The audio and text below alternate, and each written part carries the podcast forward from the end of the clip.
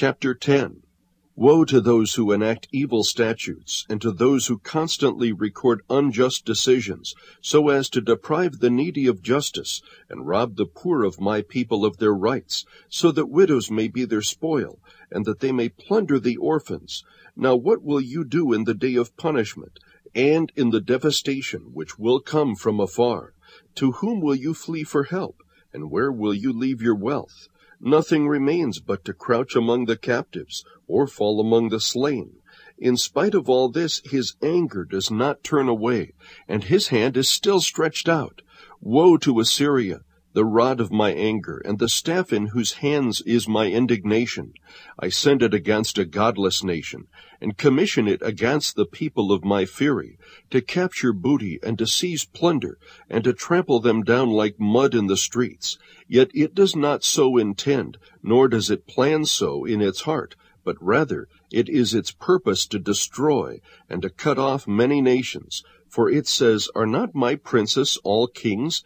Is not Calno like Carchemish, or Hamath like Arpad, or Samaria like Damascus?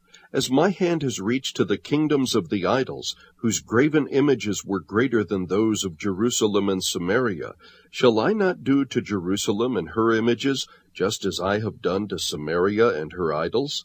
So it will be that when the Lord has completed all his work on Mount Zion and on Jerusalem, he will say, I will punish the fruit of the arrogant heart of the king of Assyria, and the pomp of his haughtiness. For he has said, By the power of my hand and by my wisdom I did this. For I have understanding, and I removed the boundaries of the peoples, and plundered their treasures. And like a mighty man I brought down their inhabitants. And my hand reached to the riches of the peoples like a nest. And as one gathers abandoned eggs, I gathered all the earth and there was not one that flapped its wing or opened its beak or chirped. Is the axe to boast itself over the one who chops with it? Is the saw to exalt itself over the one who wields it?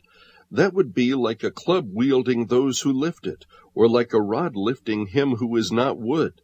Therefore the Lord, the God of hosts, will send a wasting disease among his stout warriors, and under his glory a fire will be kindled like a burning flame and the light of Israel will become a fire, and his Holy One a flame.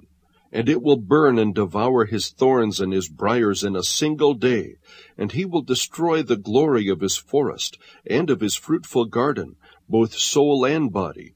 And it will be as when a sick man wastes away, and the rest of the trees of his forest will be so small in number that a child could write them down.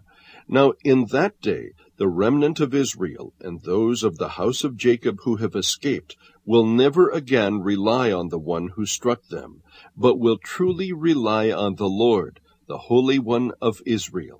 A remnant will return, the remnant of Jacob, to the mighty God.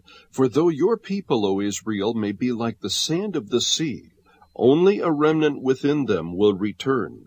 A destruction is determined, overflowing with righteousness. For a complete destruction, one that is decreed, the Lord God of hosts will execute in the midst of the whole land. Therefore, thus says the Lord God of hosts, O my people who dwell in Zion, do not fear the Assyrian who strikes you with the rod, and lifts up his staff against you, the way Egypt did. For in a very little while my indignation against you will be spent, and my anger will be directed to their destruction. The Lord of hosts will arouse a scourge against him, like the slaughter of Midian at the rock of Oreb, and his staff will be over the sea, and he will lift it up the way he did in Egypt. So it will be in that day that his burden will be removed from your shoulders, and his yoke from your neck, and the yoke will be broken because of fatness. He has come against Aiath, he has passed through Migron. At Michmash he deposited his baggage. They have gone through the pass, saying, Geba will be our lodging place. Ramah is terrified, and Gibeah of Saul has fled away. Cry aloud with your voice, O daughter of Gallim. Pay attention, Laishah and wretched Anathoth. Madmenah has fled. The inhabitants of Gebim have sought refuge. Yet today he will halt at Nob. He shakes his fist at the mountain of the daughter of Zion, the hill of Jerusalem. Behold, the Lord, the God of hosts, will lop off the boughs with a terrible crash.